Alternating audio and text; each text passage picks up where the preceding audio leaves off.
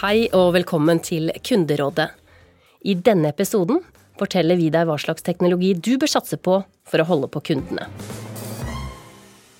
Tenk deg at du står og venter på toget, og så får du beskjed på telefonen din om hvor det er blitt ledige seter etter at passasjerer gikk av på forrige stasjon, og at du kan booke seter nå før du går på. En slik kundeopplevelse er det togselskaper som tilbyr i dag. Men hvorfor gjør ikke alle det? I denne podkasten får du vite hva som skal til for å lage magiske kundeopplevelser ved hjelp av den nyeste teknologien. Programleder i dag er meg, Lena Beate Pedersen. Først skal vi snakke med dagens gjest, Trygve Halvorsen. Du er leder for digital strategi i Accenture Norge, og har bred erfaring med hvordan bruk av ny teknologi driver frem nye forretningsmodeller, og ikke minst nye kundeopplevelser. Velkommen til oss. Tusen takk for det. Veldig hyggelig å være her. Du er jo som alle oss andre kunde i mange sammenhenger hver dag. Så aller først så må jeg få spørre deg. Når hadde du sist en kundeopplevelse som imponerte deg? Ja, da må jeg nok uh, til, til, til, hverdagen. Og som, uh, som uh, hektisk småbarnsfar så, så, er dette med, med mathandling en en stor bøyg i, i hverdagen. Så, så, jeg trekker fram Kolonial tror jeg, som et godt eksempel på god, god kundeservice, kundeopplevelse. Jeg har ikke noe å gjøre med dem i, jobbsammenheng, men uh, bruker dem i hverdagen.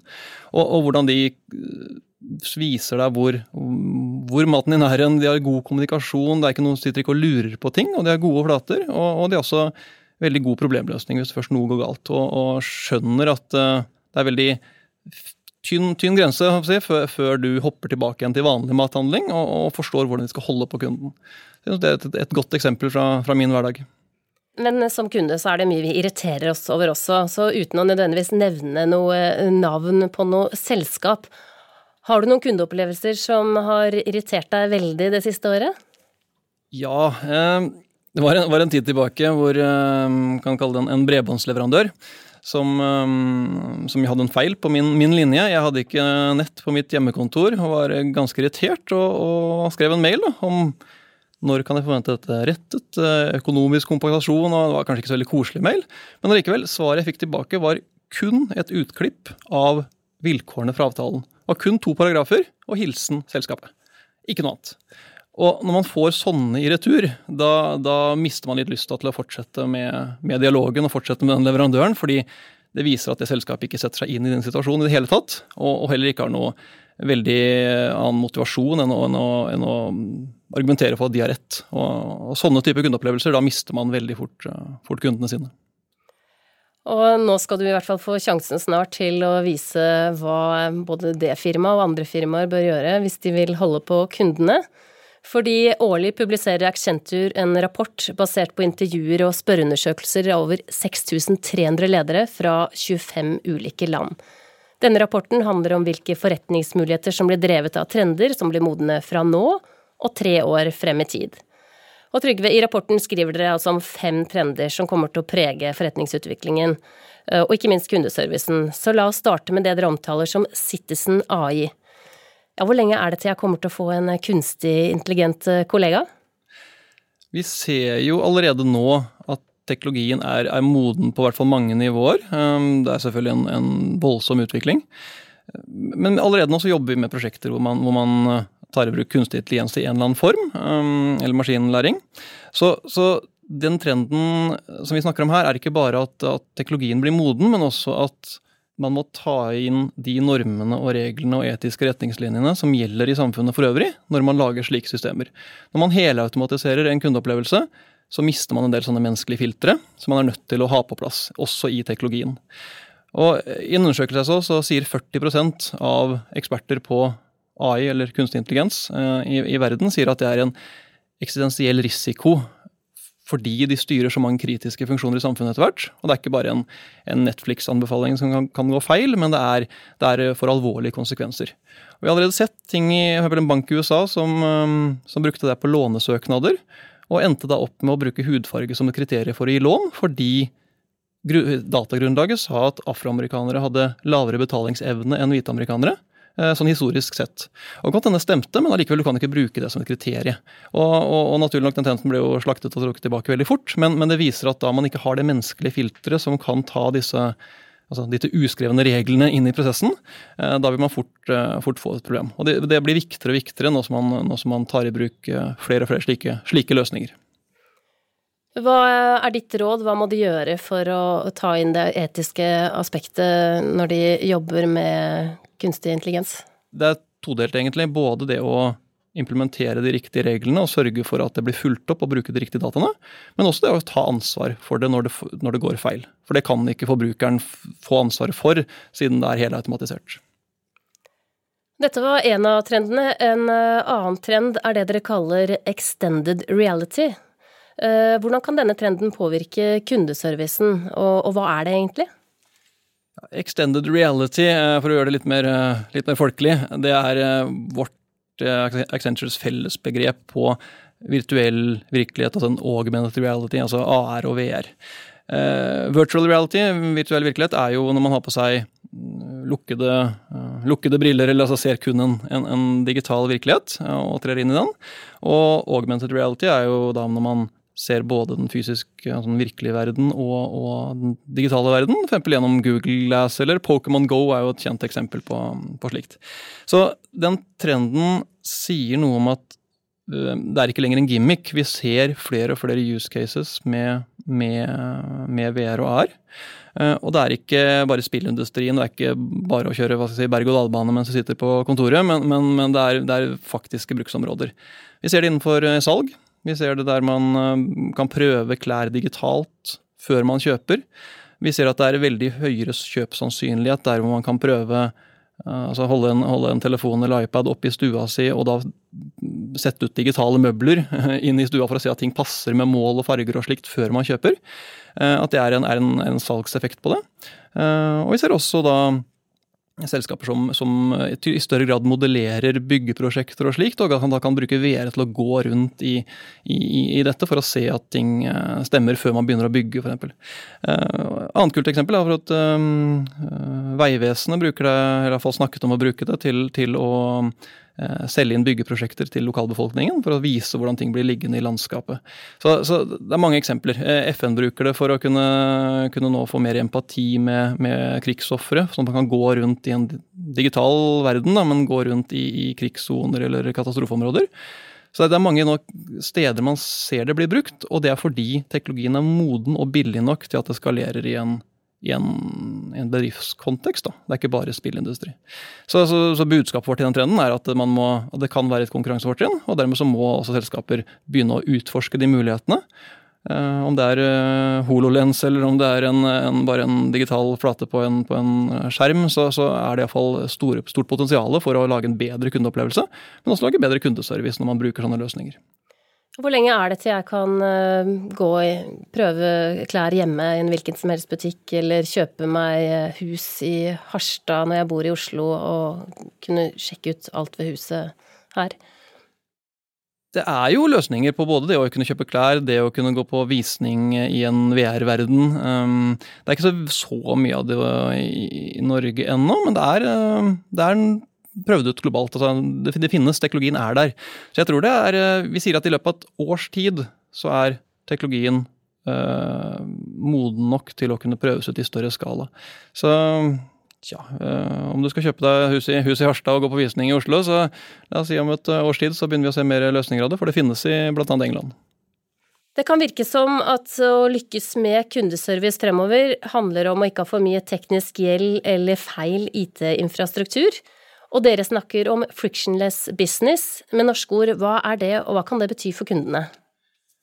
Ja, denne, trenden snakker vi om viktigheten av, av, plattformer. Vi snakker om viktigheten av å kunne, eh, kunne tilby eh, tjenester på tvers av, av, bransjer. Og det handler veldig mye om å gi brukerne sømløse opplevelser. Um, sømløse kan være litt sånn, sånn buzzword, det også, men, men hvordan er det man skal tilby noe utenfor egen, egen, uh, egen butikk. Og, og, kunne raskt koble sammen med andre aktører for å lage en helhetlig opplevelse. Det kan være innenfor om det er en, en betalingsopplevelse som eh, integreres inn i et, uh, et, kjøp og en større greie. Det kan være en reiseopplevelse innenfor flere aktører mellom hotell og, og fly og reiseforsikring. Men det kan være den, den måten man nå tenker mer plattformer, så kan vi tenke lengre verdikjeder det blir viktigere for å tilby de store, gode kundeopplevelsene. Og de som virkelig får til det i fellesskap, de vil, de vil vinne og, og få, uh, få, den store massen av, av kunder. fordi da, da, ser man at man slipper å forholde seg til mange, mange aktører, og man får en, en mer en integrert tjeneste på tvers.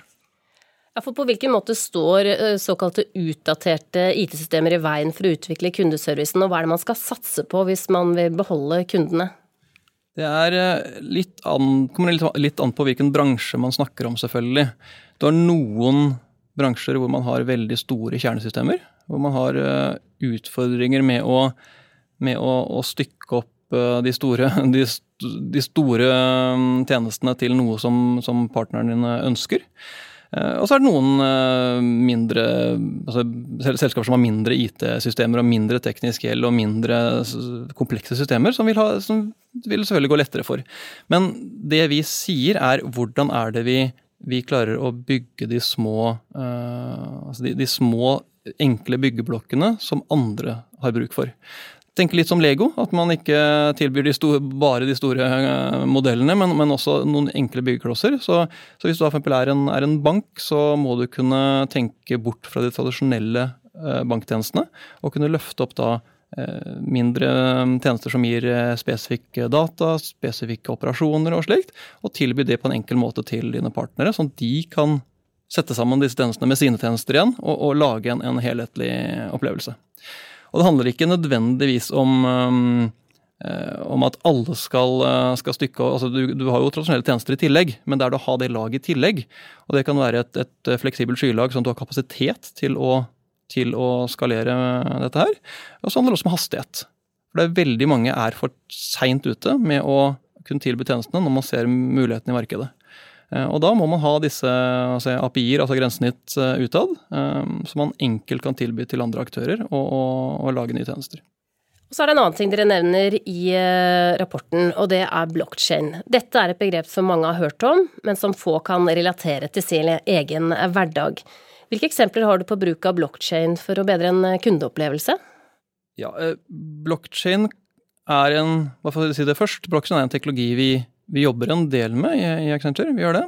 Uh, men det en eh, det har en kompleksitet bak seg som gjør at man må finne de riktige eh, bruksområdene. Og, og, det er ikke bare valuta vi ser det, vi ser det i um, f.eks. det å kunne operasjonalisere slike kundeopplevelser. Hvis vi går tilbake til den nevnte så vidt i stad med med at en, en, hotellkjede og en eh, restaurantkjede og en, eh, et flyselskap og reiseforsikring og, og, litt sånn går sammen og tenker at nå skal vi skape en, en enhetlig plattform eller en enhetlig tjeneste for denne, denne, reisende, så kan man tenke at blokkjede kan brukes til å operasjonalisere dette samarbeidet. Og det vil si at uh, istedenfor at én aktør eier hele kundeopplevelsen, og, og, eier alle dataene. fordi de andre selskapene vil jo ikke si at vær så god, bare ta, bare ta kundekontakten, bare ta dataene våre. Så kan man tenke at blokkjede blockchain blir en, en, måte å lage et litt sånn altså distribuert eierskap til den kundeopplevelsen, hvor alle har sin versjon av hva som har skjedd med kunden, hva, hva kunden har gjort for noe, altså alt som har skjedd underveis i, i reiseopplevelsen, og at man kan bruke en blockchain til å holde, holde den masteren eh, felles for alle. Det er en ny tanke som ikke veldig mange har begynt med, men det er, men det er en, en, spennende tanke hvordan man kan tenke mer distribuert sannhet. Da. Vi ser også blokkjede bruke i f.eks. smarte kontrakter, hvor man uh, automatisk eh, skifter eierskap på en last når et skip kommer i en havn, uh, uten at man må ha en mellommann som sitter og, styrer hele prosessen. Sånne type anvendelsesområder ser vi også innenfor blokkjede. Men det er, en, det er en kompleks teknologi å sette opp, og man er nødt til å ha de riktige casene hvor man virkelig trenger den, den uavhengige strukturen for å holde orden på, på fasiten. Vi har hørt uh, det vi ofte omtaler som et buzzord, Internet of things. Men dere snakker om Internet of thinking. Hva mener dere med dette? Ja, jeg uh, skal ikke si altfor mye om dette det morsomt festlige ordspillet vi har laget, men, uh, men eh, det vi sier når vi snakker om Internet of thinking, er egentlig det som flere kjenner som, som kantprosessering eller edge computing. Hvordan er det man skal lage de intelligente Eh, systemene, intelligente tjenestene, intelligente eh, produktene. Eh, hvordan setter man det hele sammen? Og Jeg hørte på han som er sjef i Samsung globalt. Han sa at han hadde en han sa at verden kommer til å få et stort kapasitetsproblem i forhold til, altså når det gjelder data og lagring av data, hvis man fortsetter det man gjør i dag, med å ukritisk spare på data, prosessere data. Du, du, du har en enorm vekst i, i, data som lagres i verden og prosesseres i verden. Og når vi nå snakker om selvkjørende biler som produserer flere terabyte av data per dag i normal bruk, eh, når man snakker om sensorer i, i hjem, i bygninger overalt, så, så, vil man etter hvert få, et, eh, få behov for å kunne smartere tenke at man må, selektere de dataene man bruker, eller hva man bruker det til.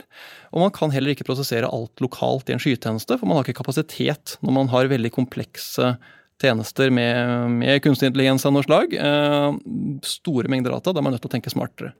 Så, så budskapet vårt med, med, dette er å si at når vi eh, eller når vi og når alle lager, lager disse produktene, så må man tenke mer logikk i sluttbrukerleddet.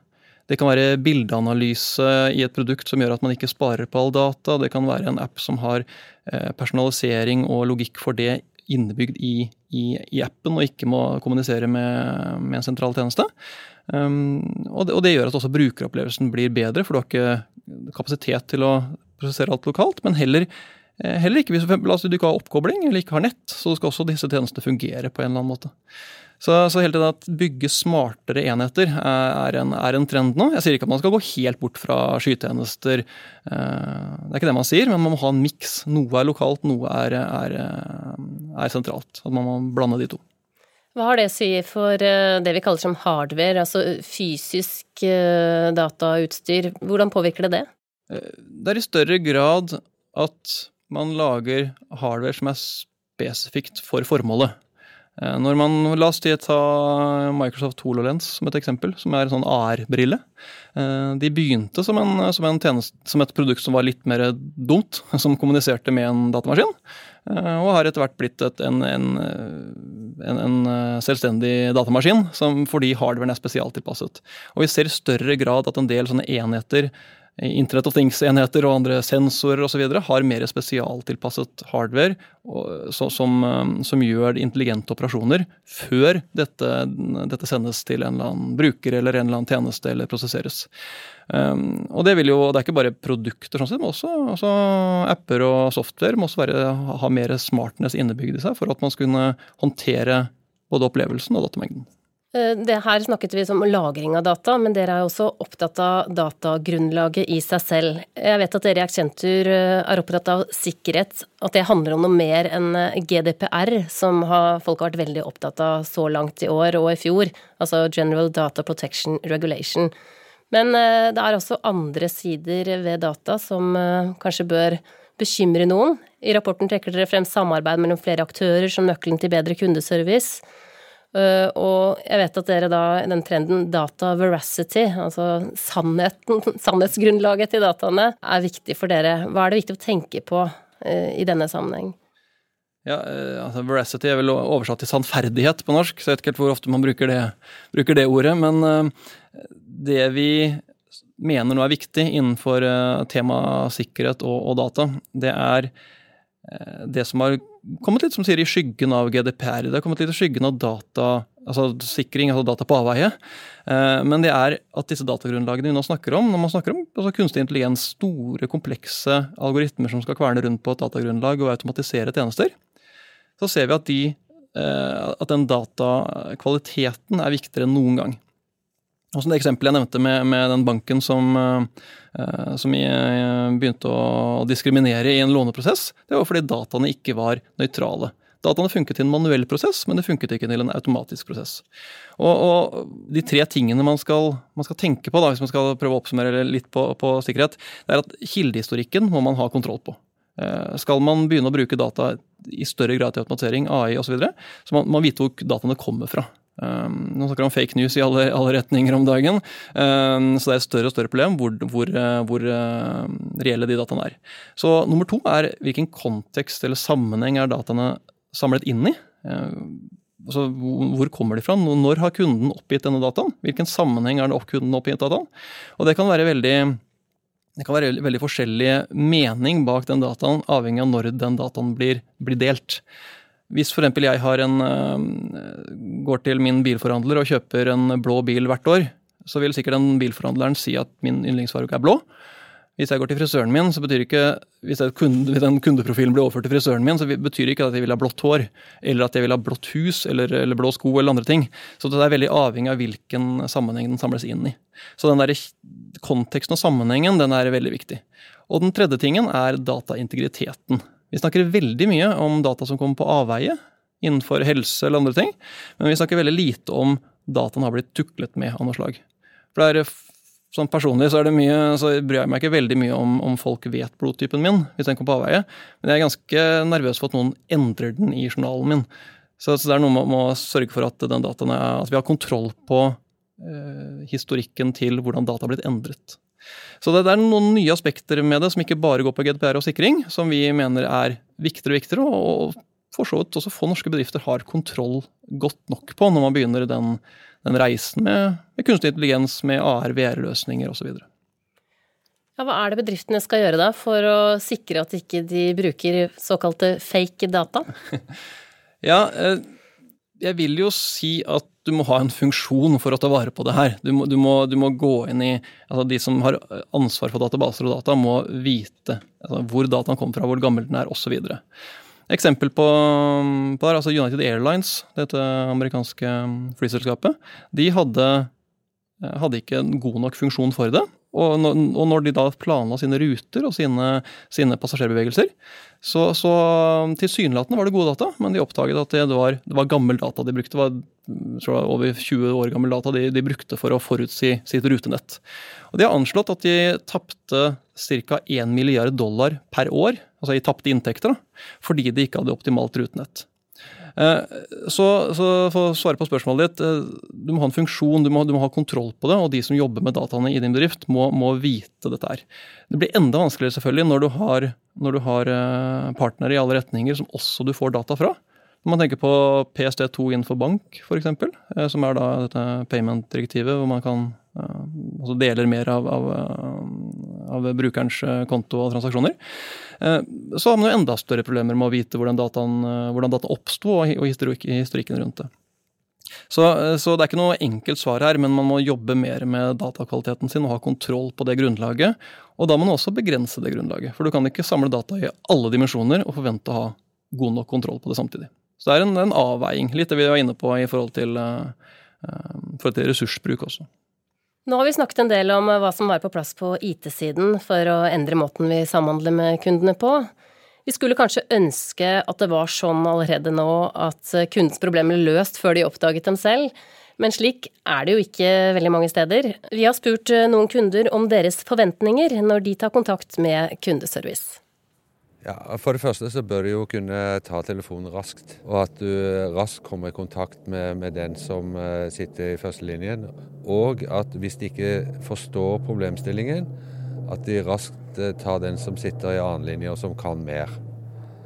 For det man ofte opplever, det er at man blir sittende veldig lenge når man har uh, en litt vanskelig problemstilling med en på førstelinjen, og så skjønner man veldig fort at vedkommende ikke skjønner hva du egentlig er ute etter å få løst av problemet.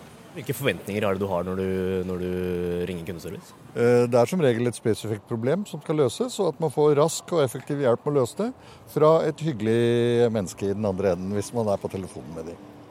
Dersom ikke problemet kan løses, hva gjør du da? da blir jeg mer irritert enn det som sunt er, kanskje. Kan du på en måte akseptere at det tar litt tid å få løst problemet dersom problemet blir løst? Ja, selvfølgelig kan man det, men uh, det forutsetter jo da at man faktisk uh, kommer i kontakt med relevante personer som kan fortelle deg noe om hvor lang tid det tar å få løst problemene, og at du ikke blir, blir sittende i uvisse og vente og vente og vente. Uh, når tok du sist kontakt med kundeservice? En uke siden. Hvordan gikk det? Hvordan, hvordan ble du behandla? Ble behandla bra. Det var jo via chat, så fikk jo svar på det jeg følte jeg trengte å få svar på. Hvorfor valgte du å ta det over chat eh, fremfor eh, telefon eller eh, e-post? Det virka lettere tilgjengelig. Jeg føler Hver gang jeg ringer, så må man sitte i ventekø i ja, gudene vet hvor lang tid. På chatten så fikk jeg kontakt etter to minutter. Nei, Chat er helt OK det å bruke. Det, det, går veldig greit. Men det må være sånn at de svarer relativt raskt. da. Stort sett telefon, ja. Eh, jeg syns det er på en måte den enkleste måten å gjøre det på. Eh, chat. For da det er mye lettere å skrive ned det man lurer på, enn å prøve å forklare det. Eh, og da er det kanskje lettere for den som sitter i kundeservice å lese det om igjen hvis det er litt uklart. Og så slipper man å ringe. Jeg syns det er så kjedelig å snakke i telefon, så chat er mye bedre. Eh, har du prøvd eh, chatbots? Nei, jeg tror ikke det. Jeg vet ikke. Nei, Hvorfor ikke det? jeg vet ikke hva det er. Jeg er en gammel mann. Chatbots er på en måte en sånn uh, kunstig intelligens da, som du kan snakke med, og så vil den svare tilbake og prøve, prøve å tolke Ja, eh, jeg har hva du sett sier. at noen banker og forsikringsselskaper har det. Har du noe troa på det? Altså, jeg foretrekker den menneskelige kontakt. Sånn er det bare med meg. Men jeg er tross alt godt over 60. Det er jo ferdigprogrammerte svar ut fra hva du, hvilke spørsmål du stiller, og ofte er ikke det noe særlig god løsning. Har du prøvd eh, chatbots? Eh, ja, det har jeg gjort. Eh, tror du det er noe som kommer eh, mer av i fremtiden, eller? Det tror jeg. Jeg tror eh, egentlig det meste blir bytta ut med kunstig intelligens. Så du slutter å ha en menneskelig kontakt til slutt. Ja, På generell basis? ja det tror jeg. Reporter her var eh, Joakim Nyquist.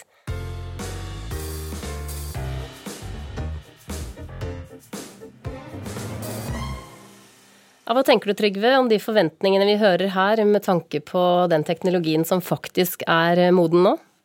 Altså, folk har jo prøvd iallfall uh, chatbot-løsninger og vet stort sett hva det er for noe, høres det ut som. Men eh, folk har jo generelt litt lave forventninger eh, til, eh, til hvilken kundeservice man, man får, synes jeg i hvert fall. Vi vet jo at det er noe teknologi tilgjengelig som, som, kan, som kan analysere svar, som kan se på større datagrunnlag og, og løse ting med mer automatikk enn en tidligere. Så, så mm, nå er det mulig at eh, kundeservice er et sånn tradisjonelt begrep som, som trigger mer, eh, mer sånn eh, callsenter, telefonsupport-tanke hos folk. Men allikevel, jeg jeg tror folk vil forvente mer når man ser hva som er mulig. Og, og det vi også ser, er at eh, forventninger smitter på, mer på tvers av bransjer enn før. Fordi tidligere så forventet man kanskje eh, at, at det man fikk fra den ene banken, fikk man også fra den andre banken. Men nå forventer man at eh, den lokale butikken leverer det samme som Amazon eller, eller Snapchat. Altså man, man, Forventningene smitter veldig på tvers fordi man er, jobber mye mer digitalt med, med forskjellige tjenester. Så, så jeg tror det kommer til å øke når man ser hva som er mulig, i hvert fall. Av den, den forventningen. Ja, Vi hører jo en av de siste kundene her si at hun tror at den menneskelige kontakten kommer til å opphøre. Og eh, hvis vi går litt over til de som jobber med kundeservice i dag. I går så leste jeg i avisen at flere som har tatt språkutdannelse, som har slitt med å få jobb, de får nå jobb som AI-trener, altså eh, trener av artificial intelligence. Det fikk meg til å tenke på noe som eh, barna mine driver med, og som er 20 år gammelt, Pokémon. Gutta mine er veldig opptatt av at de trener en Pokémon, og så utvikler den seg og får flere egenskaper. Kommer vi til å se at de fleste kommer til å jobbe som robottrenere, de som jobber på kundeservice, i fremtiden? Er det det de blir? Det er jo, det er jo en, miks, selvfølgelig, men det du er inne på der er ganske spennende. Fordi det er ikke mer enn en, en, to år siden man aldri hadde hørt, eller ett år siden kanskje, man ikke hadde hørt om den, den tittelen. Vi, vi, ser jo nå at vi, vi trenger eh, AI-trainers, og, og, og, vi snakker om mer om data scientists som kan jobbe med datagrunnlagene. Vi snakker om veldig mange nye typer type roller. Så det er ikke noe rart at man sliter med å få tak i riktig altså Vi gjør det selv hos oss, at vi har problemer med å få tak i nok mennesker som kan disse tingene. Men å si at alle skal jobbe som AI-trainers, er, er, jo kanskje å ta i litt. fordi man trenger jo den, den, menneskelige kontakten på en del ting i en god stund framover. Altså man må eh, løse de komplekse tingene. altså Den problemløsningen vil fortsatt være viktig, og kundeinnsikten. Så, så mye, mye, kommer nok til å løses med altså den førstelinje eh, med automatikk, og da trenger man disse menneskene som kan lære opp disse systemene. Eh, men så har man noen som må være gode på problemløsning og kundeinnsikt for å kunne sitte og ta de tingene som ikke tas av, av teknologien selv. Tusen takk for at du kom på besøk til Kunderådet, Trygve Halvorsen. Tusen takk for å få komme.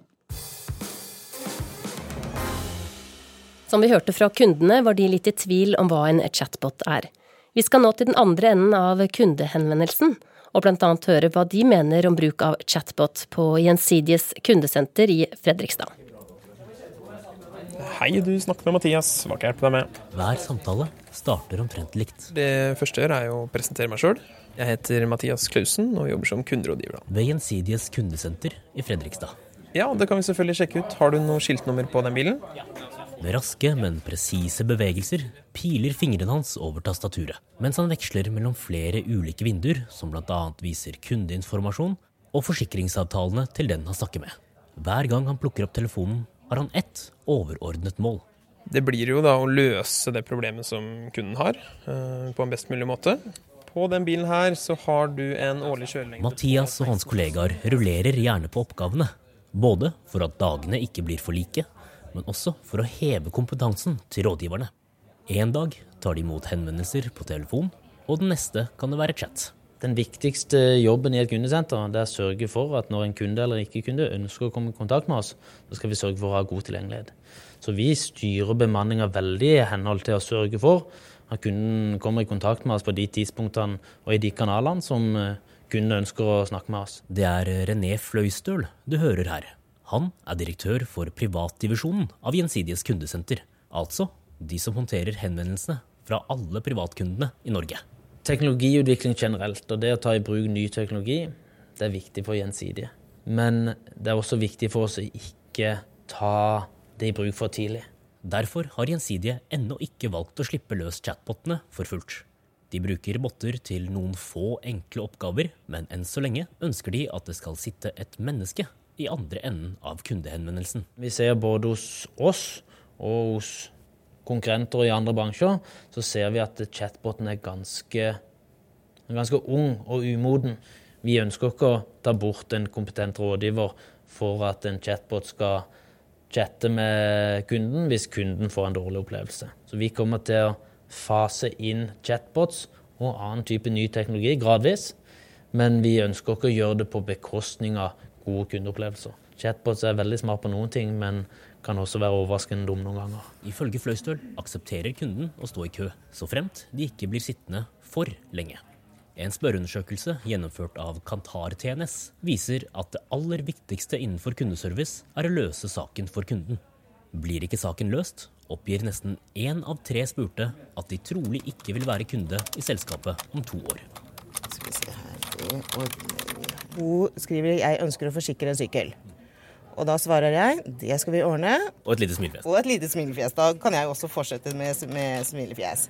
De siste årene har Gjensidige sett en økning i skriftlige henvendelser, enten det er e-post, skjemaer eller chat. Og da skriver jeg e-posten min med en gang, så slipper å spørre om det. Seniorrådgiver Anne Marie Christiansen er et av menneskene du kan komme i kontakt med i Gjensidige.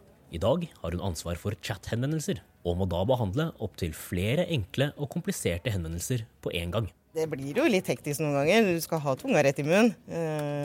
Så lenge det er enkle ting, så går det greit. Kompliserte saker prøver vi da å henvise til en kollega som kan hjelpe dem over telefon eller mail, kanskje. Men alle enkle tingene som innlogging, faktura, enkle kjøp. Men så er det samtidig veldig fint for de som ikke liker å snakke telefo i telefon. De kan jo snakke med oss på chat istedenfor. Menneskestyrt chat skårer veldig høyt i undersøkelsene til Kantar TNS, mens chatboter enn så lenge er mer et irritasjonsmoment. Dette her er jo en Tekna-kunde som nå har satt deg med oss her, så da må vi svare. Vi klarer å flytte noe mer av de enkle oppgavene fra f.eks. telefoni til selvbetjente løsninger. Ifølge René Fløystøl forventer kundene at kundeservice skal være enkel, uavhengig av om det er telefoni, chat eller apper de bruker for å kontakte bedriften. Selv om hverdagen til de aller fleste av oss er blitt mer digital, får Gjensidiges kundesenter fortsatt omtrent like mange henvendelser på telefon. Det viser at behovet for mennesker i kundeservice ikke er blitt mindre, mener Fløystøl. Frem til vi ser betydelig nedgang i trafikk i tradisjonelle kanaler og over på selvbetjente løsninger, så kommer vi til å sikre god tilgjengelighet fremover. Så vi satser jo veldig hardt på kompetente rådgivere. Ja, så bra. Ja, så bra. Etter å ha løst nok en sak, er Mathias Clausen i ferd med å avslutte samtalen med kunden. Så bra. Da får jeg ønske deg en fin dag videre, og så kan du trygt kjøre. Reporter her var eh, også Joakim Nyquist. Tusen takk for at du lyttet til Kunderådet. Vi kommer med flere episoder fremover, så husk å abonnere på denne podkasten. I neste episode skal vi inn på tematikken strategi og ledelse. For å kunne levere gode, helhetlige kundeopplevelser må du sikre deg de dyktige folka og rigge organisasjonen riktig. Vi som har laget denne episoden, heter Ingrid Weiseth Sterud, Joakim Nyquist, og her i studio Lena Beate Pedersen. Kundeservicedagene finner sted 30. til 31. januar 2019 og skal gi deg bedre innsikt og forståelse for fremtidens teknologiske og strategiske omveltninger. Disse må virksomheten din tilpasse seg for å kunne levere god kundeservice og sømløse kundeopplevelser. Nå kan du melde deg på kundeservicedagene, og oppgir du rabattkoden 'Kunderådet' i påmeldingsskjema, får du 10% rabatt.